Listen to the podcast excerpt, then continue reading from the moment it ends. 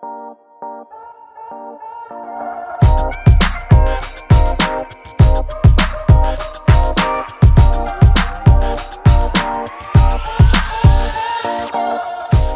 selamat pagi, selamat siang, selamat sore, dan selamat malam teman-teman Abastok.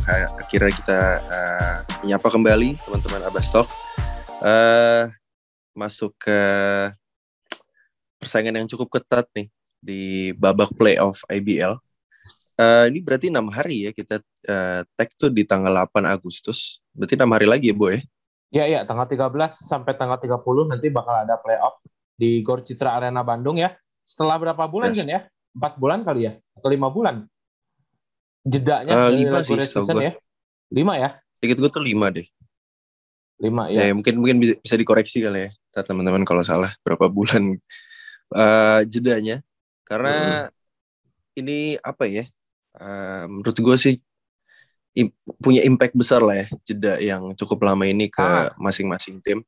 Uh, gue juga setuju dengan dengan uh, Kak Ujo dan Kak Augie yang bilang kalau misalkan uh, jeda ini tuh membuat uh, tim tuh jadi kayak start kembali gitu dari awal lagi nih kayaknya. Uh, karena beberapa pemain asing juga baru masuk, uh, ada yang berganti juga. Terus beberapa pemain lokal yang jadi kunci permainan juga baru balik dari timnas. Jadi ya, mm -hmm. uh, this is a new start sih kalau gue melihat ya. Iya. Kalau iya, lu iya. melihatnya gimana nih? Iya, tentunya uh, semua orang juga punya pandangan yang sama ya. Hanya kan uh, boleh dibilang musim apa jedanya terlalu lama ya, bukan karena emang IBL uh, menyusun itu, tapi kan emang secara jadwal internasional kemarin kita padat banget kan. Ada SEA Games, FIBA Asia Cup, jadinya mau nggak mau emang uh, jeda ini membuat beberapa tim khususnya yang mempunyai uh, apa ya uh, apa ya permainan bagus gitu di regular season harus harus terhenti gitu trennya kan gitu biasanya tim-tim yang yang punya tren kurang baik di regular season kemarin jeda ini menurut hmm. cukup baik untuk mereka tapi sebaliknya bagi tim-tim yang kayak mungkin Prawira Bandung, Pelita Jaya yang punya tren bagus kemarin di uh, regular season akhirnya uh, harus terputus gitu strik-striknya kan jadi sayang aja gitu kalau bagi yeah, mereka yeah.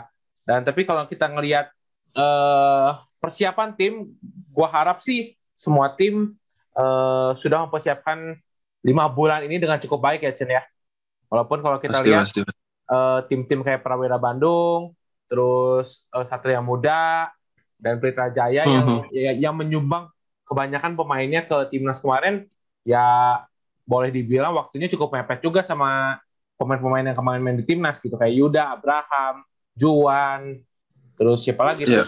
banyak lah gitu yang emang uh, berkontribusi di timnas kemarin. Semoga aja nanti di playoff nanti uh, nggak ini ya maksudnya nggak nggak cederaan terus uh, picknya masih tetap sama gitu kan fatigue-nya juga masih masih kerasa ya mungkin ya dari FIBA Asia Cup kemarin ya latihan tiap hari gitu kan Chen ya ya ya pastinya sih pastinya cuman ya gue melihat Yuda juga langsung uh, sparring tuh kemarin setelah yeah. jeda seminggu doang ya apa lima hari kayaknya. Dia langsung yeah. sparring bareng uh, Prawira Bandung. Benar. Uh, ya yeah, I think he's on a mission juga sih maksudnya dia nggak pengen ngelepas juga nih kesannya si uh, Prawira apalagi lawannya juga cukup berat ya Dewa United yeah. dan mungkin kita ini ya langsung bahas kali ya bu ya uh, uh, enaknya kayak perbagian ya bagian kiri dan bagian kanan Benar. Uh, buat si masing-masing tim gitu ya. Ya. Chance-nya seperti apa dan uh, lu ngeliatnya seperti apa gitu. Mungkin kita mulai dari mana dulu nih? Dari sisi kiri dulu aja ya. Di sisi, sisi kiri, ya. dulu ya. Kiri itu berarti Peta Jaya, PJ Rans, PJ Rans, sama NSA West Bandits berarti ya. Benar. Ini okay, dua okay, okay. ini dua matchup yang cukup menarik ya Chen menurut gue ya. Pastinya menarik. Ya, Rans, Rans yang boleh dibilang kemarin juga hampir nggak lolos ya ke playoff. Sekarang dia harus menghadapi uh, peringkat pertama di regular season kemarin Pelita Jaya yang hanya iya. kalah yeah. dua kali. Itu pun dari uh, Prawira Bandung dua-duanya gitu kan. Berarti hmm, otomatis mm -hmm. mereka tidak terkalahkan dengan uh, eh, 16 tim lainnya gitu. Nah ini match up-nya cukup menarik. Kita mulai dulu aja Chen ya dari PJ lawan uh, Rans ya. dari peringkat yeah. satu lawan peringkat delapan. Ini menurut gue matchupnya cukup menarik. Kenapa menarik? Karena uh, kedua tim ini kemarin ketemu di regular season dua kali. Tentunya hmm. dua-duanya dimenangkan oleh Pelita Jaya ya. Tadi kan gue udah sempat singgung juga. PJ cuma kalah dari Prawira.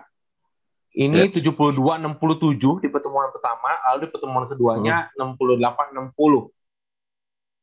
Yeah. Secara skor tidak terlalu jauh, tapi kalau misalnya eh, mungkin kalian ingat ya di pertandingan itu, di pertandingan pertama sih emang waktu itu sempat PJ udah unggul jauh, tapi akhirnya kejar juga sama Rans ya hampir kesusul. Nah kalau di pertandingan ke di pertandingan kedua Dua. itu memang secara intensitas tidak terlalu seperti game pertama, tapi emang uh, skornya terus bisa di maintain tuh oleh PJ ya di di second half tuh kalau nggak salah lawan lawan PJ di hmm. pertemuan kedua itu. Eh, ini gue melihat uh, Rans ini punya chance di playoff ini minimal mereka bisa ngambil satu game sih. menurut gue ya karena kita lihat juga uh, eh, PJ kan baru ganti juga tuh pemain asingnya dari si uh, Demar Hill jadi si Decado yeah. Ray Decado Day kalau nggak yeah. salah baru baru join juga Decado Day Decado Day Iya, di Day itu dia baru join juga. Sedangkan Rans kan tidak ada perubahan yang signifikan ya dari squadnya. Halcyon Hayward itu. dengan Akim Scott. Dan perlu diingat hmm. juga mereka sekarang punya Nukut Saputra yang udah kembali ya Chen ya. Kembali, nah ini, iya, iya. nah ini menjadi apa ya bisa dibilang menjadi uh, daya tambah yang menurut gua cukup baik ya untuk Speak Basketball. Dan perlu diingat hmm. juga mereka sekarang punya coach baru. Iya. Betul itu dia yang dari Europe itu dan uniknya lagi Koko Heru sekarang pindah ke PJ Chen. Nah itu. nah itu. Itu dia. Itu bisa jadi apa ya? Eh bisa jadi bumerang untuk keras juga atau gimana tuh Chen kalau lu ngeliatnya Chen? Ya uh, pastinya ini sih ada beberapa hal yang Koko Heru lebih udah tahu duluan lah dari masing-masing pemain, terutama mungkin lokal ya gue nggak tahu kalau uh, pemain asingnya Koko Heru gimana cara komunikasi. Cuman kalau gue melihatnya sih ini jadi senjata rahasia buat Pelita Jaya ya. Apalagi uh, Coach Koko juga udah cukup bisa dibilang cukup lama ya, walaupun ya hanya beberapa uh, uh, game gitu kan. Cuman ya uh, jadi senjata rahasia buat si uh, PJ untuk uh, apa ya ada beberapa uh, dari segi taktis dan psikologis yang bisa diandalkan dari coach Koko Heru untuk uh, menjaga atau atau menyerang dari uh, sisi defensif dari Rans gitu. Cuman ya gue melihat, gue mendengarkan dari wawancara uh, dengan Akib Scott kemarin sama podcast pemain cadangan gitu ya. Uh, dia bilang kalau uh, fokus mereka sekarang itu uh, di defense, uh, Bo. Fokus hmm. dari Rans tuh sekarang di defense untuk untuk uh, di playoff ini dan gue uh, dan, dan gue sangat tertarik sih apalagi uh, hasil dari Hakim Scott itu uh, apa ya jadi jadi selalu jadi ini ya selalu jadi uh, apa sih bilangnya uh, Daya gedor, daya gedor. Kekuatan lah, kekuatan dari si Rans hmm. ini gitu kan.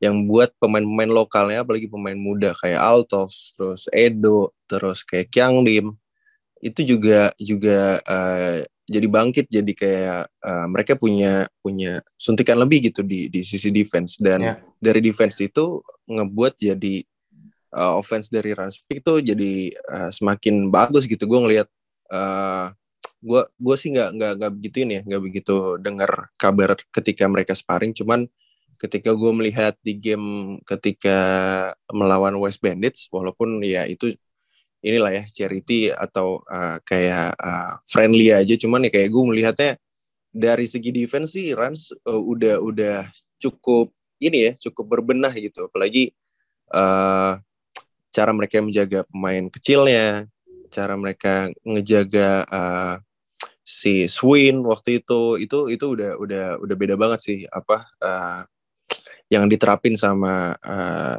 coach yang yang baru ini coach coach asing yang baru ini. Cuman ya gue melihat PJ masih ini sih masih cukup baik uh, apalagi peras yang baru balik dari timnas. Gue melihat uh, masih cukup ini ya masih cukup mengerikan. Apalagi gue melihat ada Decardo D gue melihat highlightsnya ya. Ini sekali lagi gue baru melihat highlights gitu ya. Gue belum belum melihat dia bermain.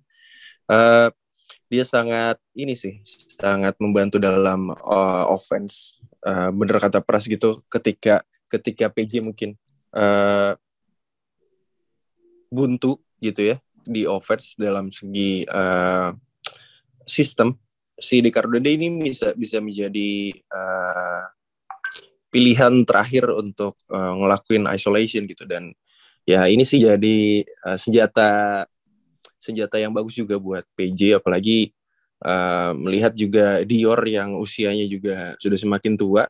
Iya. Yeah. Justru uh, perlu backup lah ya dari pemain asing yang lainnya. Dan uh, ini pasti gue setuju sih seru banget buat uh, game yang satu ini bakal sangat panas sih menurut gue. Yeah, Cuman yeah. ya uh, anything can happen sih sebenarnya. Gue sejujurnya lebih lebih ini ya, lebih berat keras nih sebenarnya karena mereka udah udah uh, jadi satu tim, jadi satu bagian tuh cukup lama bu daripada PG. Menurutnya, menurut maksud gue kayak uh, mereka ngumpul barengnya tuh udah lama lah, bondingnya udah lama. Jadi kayak nggak ada jeda, nggak ada pemain yang uh, pergi juga, terus nggak ada pemain yang diganti juga, pemain asingnya masih masih sama. Walaupun ya kalau coach kan uh, ada yang baru ya, cuman ya dari pemainnya sendiri tuh udah udah lama bondingnya gitu. Jadi komunikasinya jadi lebih enak antara pemain asing, antara pemain lokal. Yeah. Dan jadinya coachnya sih jadi udah gampang aja sih gue ngelihatnya untuk adjustment uh, dan lain-lain gitu. Yeah, dan yeah. ya gue nggak tahu sih. Tapi pas pasti sangat panas. Kalau kalau kalau lo prediksi lo kayak gimana? Iya, uh, pastinya kalau kalau gue lihat sih gue harapin juga sih, bukan gue lihat juga, gue harapin juga uh, coach yang baru ini coach Rans gue lupa namanya siapa nanti siapa yang tahu nanti tulis di komennya gue belum cek juga namanya lupa gue semoga sih semoga uh, dia uh, nyiapin adjustment untuk Dior ya kan? Kalau kita ngomongin Pelita Jaya kita nggak bisa lepas dari Dior Lohorn ya. Karena itu salah satu advantage yang dimiliki oleh Pelita Jaya gitu ada di tubuh Dior Lohorn walaupun tadi dulu sempat singgung ya. Dior kan umurnya udah tambah tua juga tapi kalau misalnya di IBL nggak bisa bohong lah. Dia masih cukup dominan di pen area gitu. Dan semoga uh, coach yeah. ini nyiapin adjustment yang uh, cukup bisa mematikan Dior gitu. Apalagi kalau kita ngelihat Bagan kalau misalnya dia let's say kita ngomong Rans bisa menang lawan PJ dan kita ngomong juga NSA bisa menang lawan West Bandit dia akan melawan yeah. tipenya kurang lebih sama dia akan lawan Mike Lover juga gitu di NSA kan ini uh, menurut yeah, gua yeah. semoga aja coach Sans bisa ini bisa ngasih adjustment yang tepat lah untuk Lohor karena sejauh ini sih uh, hanya Prawira Bandung ya waktu itu tas David Spencer yang bisa dalam tanda kutip mematikan Lohor dengan double team dengan Reza Guntara gitu. Sisanya masih belum yeah. Sisanya masih belum bisa mematikan 100% gitu. Semoga aja nanti yeah. Rans di game pertama kita lihat nih nanti di tanggal 13 nanti apakah Rans bisa uh, berjalan gitu adjustmentnya dari si coach uh, Rans yang baru ini gitu. Dan kalau dari Betul. sisi PJ tentunya uh, gue harapin sih Govinda masih tetap hot di Citra Arena nanti karena emang Govinda musim ini boleh gue bilang uh, salah satu faktor kunci juga Pelita Jaya bisa melambung jauh ya di musim ini. Hmm. Kalau Pras kita udah nggak usah tanyain lagi semenjak semenjak dikritik ya di SEA Games di game pertama hmm. sampai dia kemarin FIBA Asia Cup emang trennya lagi naik terus dan kalau kita yeah. ngomong Vincent Kosasi di IBL dia cukup dominan juga bisa membackup Diolohon dengan cukup baik. Semoga nanti di lawan Trans nanti ada yang bisa ngimbangin uh, Vincent nih. Kita kita berharap kepada Fabio atau kita berharap kepada Kiang Lim gitu. Dia ada matchup-matchup yang seru gitu. Dan kalau kita ngomongin Akim Scott ya eh susah sih ya kalau gue sih ngelihat kalau gue malah justru eh, kebalikan sama lu tadi lu bilang lebih berat ke Rans kalau gue justru lebih berat ke Pelita Jaya ya kalau kita ngelihat Rans kemarin di uh, regular season kalau andai terus memanfaatkan Akim Scott dengan eksploivitasnya gitu, terus dengan hmm. kelas-kelas shotnya, kalau Pelita Jaya sih nggak bisa sendirian ya Chen ya kalau menurut gua agak berat sih kalau misalnya terus okay. sistemnya ke Akim Scott ya harus mencari alternatif lain kalau menurut gua semoga Nuke bisa menjadi opsi ya opsi yang opsi berbeda gitu untuk Rans ya.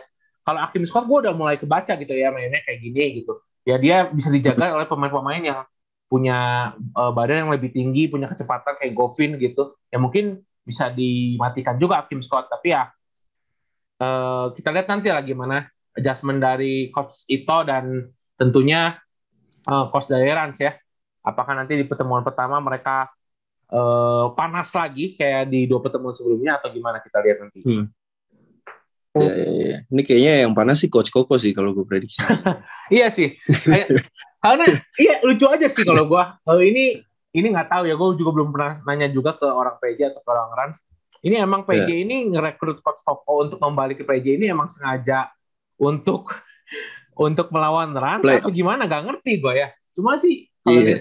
dari skema sih ya PJ nggak perlu-perlu amat coach Koko sih kalau menurut gue ya dengan coach Ito lalu ada Adi juga di di situ ya menurut gue sih nggak perlu-perlu yeah. amat gitu ini sebuah ada permainan juga kan iya masih di sana kan iya ya coach Ricky juga gitu ini permainan psikologis yeah. juga nggak tahu ya gue juga kaget juga sih pas coach Koko tiba-tiba kembali ke PJ gitu apa khusus buat lawan PJ lawan Ransong atau gimana nggak kurang tahu deh gue Iya iya iya.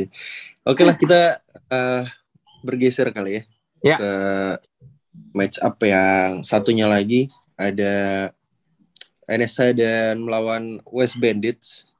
Ini gue sebenarnya agak apa ya, agak kaget mungkin ya karena West Bandits baru 10 menit lalu. Mengumum, mengumumkan kalau dia uh, menambah satu amunisi lagi yaitu pemain asing uh, center. Gue lupa namanya siapa mungkin ntar lu bisa cek juga bu. Namanya kalau nggak salah Bilal ya ada Bilal, Bilal Richardson gitu. Richardson Bilal Bilal Bilal Richardson. Ya uh, ini sih pasti dia dia kan baru baru, baru banget datang ya dan dan Kacau. belum sama sekali ini ya belum sama sekali uh, main bareng gitu ya dengan West Bandits dengan beberapa pemain cuman uh, I mean this is playoff gitu uh, lu melawan dengan tim yang uh, walaupun big man big man dari NSA juga baru datang cuman ya setidaknya sudah ada Safar dan beberapa pemain lokal yang udah nyetel gitu di di uh, regular season dan uh, uh, si Optimus Prime ini kan si uh, gue jadi lupa ya namanya siapa si Mike Glover ini kan di musim sebelumnya, beberapa musim sebelumnya kan juga udah beberapa udah kenal lah dengan dengan budaya NSA dan beberapa yeah, pemain yeah. gitu. Jadi ya, sangat mudah dan sangat gampang gitu untuk adaptasi harusnya. Apalagi juga uh, pelatih dari dari sisi pelatih juga uh, komunikasi dengan pemain asing justru uh, jadi lebih gampang karena uh, pasti in, in English gitu kan. Cuman ya uh, ini jadi jadi ini ya jadi satu kerugian buat West Bandit sih. Uh, di satu sisi Widi juga udah balik dengan uh, apa pengalaman dia di timnas, tapi uh, kerugian itu di posisi center itu sendiri sih karena uh, gue nggak tahu uh, nantinya Bilal akan bermain uh, seperti apa? Apakah dia sangat sangat uh, post play ataupun uh, sangat kuat di paintnya atau mungkin cara main dia se seperti Lester Prosper yang sangat uh, apa uh, suka nembak dari luar, gue juga belum tahu. Mungkin nanti kita bakalan kulik-kulik lagi ya buat, yeah, buat yeah, yeah, uh, yeah. how si Bilal ini uh, bermain gitu kan. Cuman ya uh, menurut gue sih NSA agak sedikit di atas angin ya, apalagi big man mereka yang tadi gue bilang itu sih. Dan uh, rekor mereka di di uh, regular season yang yang cukup baik gitu. Walaupun ada satu yang perlu di, ini ya, perlu uh, dimention buat NSA. Trennya dari NSA tuh di regular season turun. Uh, iya, menurun gitu di hmm. di akhir-akhir. Itu yang mungkin bisa dikoreksi oleh uh, dari coaching staff gitu ya. Apalagi uh, dengan masuknya si Mike Glover nih ya harusnya sih getting better ketika di playoff sih. Cuman ya ini juga seru ya. Gue melihat dua tim yang yang uh, uh, punya punya pemain lokal yang uh, sangat ini ya, sangat uh, kuat di satu sisi West Bandits juga punya motor penyerang yang sangat pinter gitu ada Widi dan juga Rio DC yang juga uh, setelah pulang dari uh, 3x3 dia dia dia cukup mengesankan di 3x3 dan uh, pastinya dia dia dua dua guard ini sangat bakalan jadi ini sih bakalan jadi uh, motor penyerang dari si yeah. West Bandits uh, NSA juga dengan pemain lokalnya yang yang uh, gue melihat sangat disiplin sih kalau dari pemain-pemain lokalnya sih.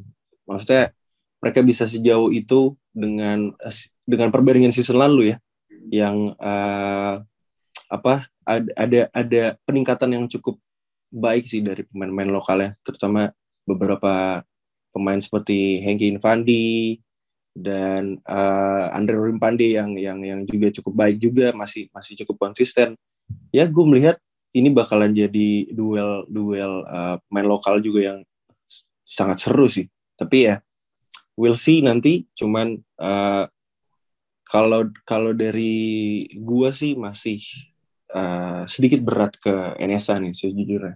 Karena yeah. ya tadi yang gue karena kekompakan tim dan juga uh, uh, uh, ini sih dari sisi pemain lokalnya juga itu itu berpengaruh Gitu. Kalau dari lu gimana?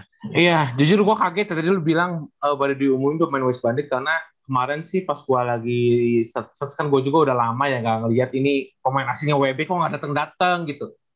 Gue kaget yeah. juga tiba-tiba diumumin karena udah hamin berapa nih?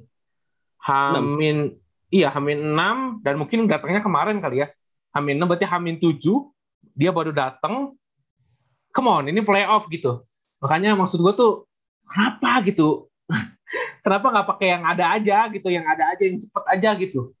Pemain asing ini belum tentu dia cocok gitu kan sama sistem coach Ebos gitu kan.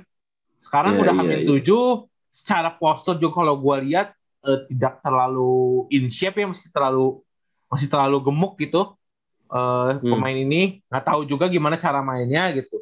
Ya ini ya untuk satu sisi sih membutakan membutakan lawan juga gitu. Maksudnya NSA juga aduh ini lawannya gimana nih mainnya gitu. Tapi dalam satu sisi juga, ya gue juga belum latihan sama tim gitu kan, gimana yeah, yeah. gimana untuk menakar kekuatan tim gue gitu. Sedangkan NSA dengan Mike Glovernya walau Mike Glovernya juga baru datang kemarin tanggal 20-an juga, 20 Juli, mm. at least at least Mike Glover udah punya waktu cu lebih cukup lama dibanding si ini pemain uh, Jamal ini pemain ya, ya si Bilal, si Bilal pemain West Bandit ini gitu. Uh, apalagi kita, tadi udah sempat lu singgung juga ya kalau misalnya emang Mike Loven udah pernah di Indonesia juga dua tahun lalu tepatnya 2020 dan dia kan puncak hmm. klasemen waktu itu puncak klasemen bareng Widya yeah. Putra Teja di NSA uh, hmm. wa, wa, apa NSA sebagai sebagai pemuncak klasemen gitu di di tahun itu tapi kalau kita hmm. ngelihat tahun ini ya lu tahu sendiri sepak terjang NSA musim ini kan luar biasa ya dengan Shafa Newkirk, Andre Rimpande, lalu ada Rizky Agung Pranata, eh, Andika Aprilia itu pemain-pemain yang udah cukup lama uh, bergabung sama NS. Jadi secara adaptasi Mike Glover pun udah tidak terlalu uh, ini uh, susah gitu untuk adaptasi dengan tim ini. Nah ini kalau kita lihat West Bandit, ini West Bandit ini menurut gua apa ya? Secara persiapan bisa di bisa di ini juga sih bisa dipertanyakan juga karena ya tadi ya mereka kan baru kedatangan salah satu pemain asing yang boleh dibilang cukup penting gitu di tim.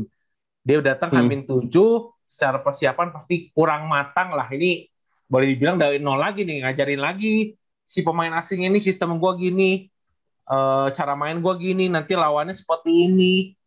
Ya ini pemain-pemain yeah. tipe-tipe Widi itu sukanya kayak gini mainnya gitu kan itu kan hal-hal yang sulit gitu untuk di adaptasi cepat gitu. Apalagi pemain yang ini nggak tahu ya dia udah pernah overseas atau belum. Semoga aja ya bisa cepat adaptasi udah, gitu.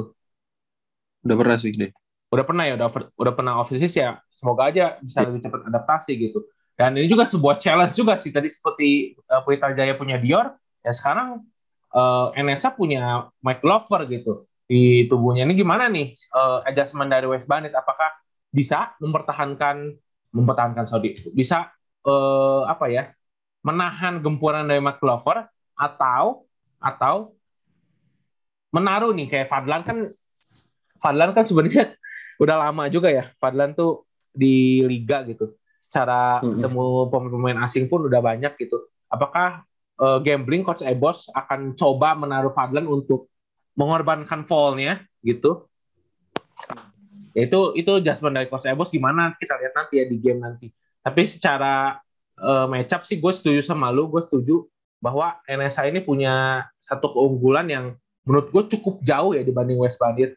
Karena ya tadi uh, apa secara latihan pun mereka lebih lama gitu dibanding West Bandit. Dan banyak cedera juga loh West Bandit ya.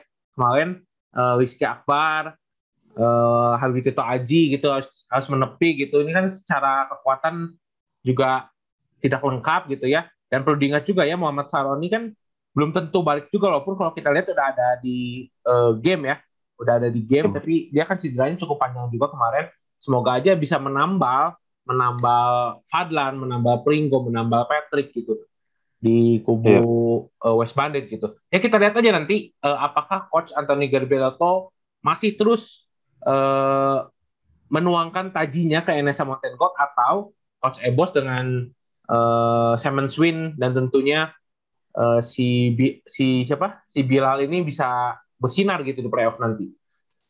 Ya ya. Mungkin gue nambahin kali ya dikit lagi. Uh, kenapa kita kita bilang tuh pemain uh, asing si uh, West Bandit yang satu ini tuh sangat penting buat West Bandit karena uh, karena mereka kalau gue lihat sih mereka butuh big.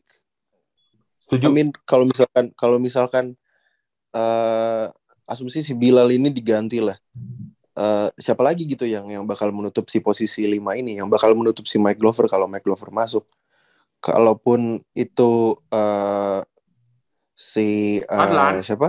Padlan. Padlan tetap sangat riskan karena polling tetap mismatch ya. Mismatch ya.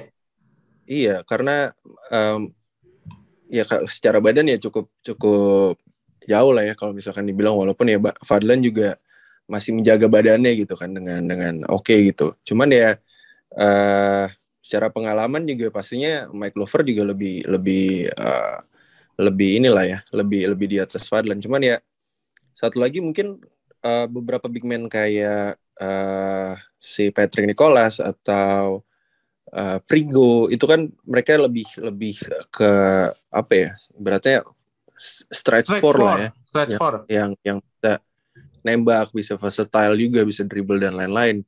Jadi ya kalau lu pakai mereka untuk jaga Mike Glover ya mungkin beberapa satu dua kali play masih aman. Cuman ya setelah itu ya wassalam sih pasti bakalan banyak fall sih. Ya cuman ya ini ini gambling sih coach Ebos kalau gue melihat. Iya iya, tapi ini juga menarik Chen. Menarik juga nih Chen. Kalau misalnya kita ngelihat ya. NSA, NSA tuh rotasinya jadi lebih enak loh dengan kedatangan Mike Glover ya. Kalau gue lihat. Glover iya nanti Michael Lover main misalnya kita sebut aja kita siapa uh, cadangannya Safar uh, Jan misalnya Jan main sama Michael Lover hmm. kalau misalnya Michael Lover keluar ya mungkin yang main uh, Safar sama Acim gitu ini secara rotasi iya. kan lebih enak gitu dibanding kita lihat West Bandit West Bandit itu Simon Swin aja sebenarnya bukan point guard kan dia kan shooter gitu hmm. nah secara hmm. rotasi agak kurang pas gitu kalau West Bandit ya tapi kita lihat aja nih makanya nih kan kita belum pernah nonton si Bilal nih Gimana yeah, si Bilal itu. main? Kalau si Bilal emang uh, ya mungkin campuran dari Dior dan siapa yang bisa nembak itu kan kita nggak tahu ya. Kita belum pernah nonton. Yeah, gitu. yeah, yeah. Nanti kita mm. di game pertama nih. Game pertama nih tolak ukur nih menurut gua kalau misalnya emang si West Bandit bisa memanfaatkan si Bilal ini dengan cukup baik, bukan tidak mungkin ya, dia bisa memenangkan seri ini gitu. Atau Iya, iya, ya, semoga, semoga kita salah lah ya. Semoga kita salah. Kalau misalnya asumsi-asumsi kita. Chan kalau misalnya nanti Sabtu Minggu langsung kalah pulang tuh si Bilal. Cuma seminggu. West Bandit dua, dua kali dua kali tanding dong anjing Sabtu Minggu pulang. Bandung dia bentar doang. Cuma ngerasain Bandung doang lagi aduh kasian sih ya udah ya, ya, ya. ini untuk episode ini uh, udah aja segitu dulu next kita bakal bahas Satria Muda lawan amat Hang Tua dan tentunya Prawira Bandung uh, melawan Dewa United Surabaya. Yes, oke. Okay. Bye.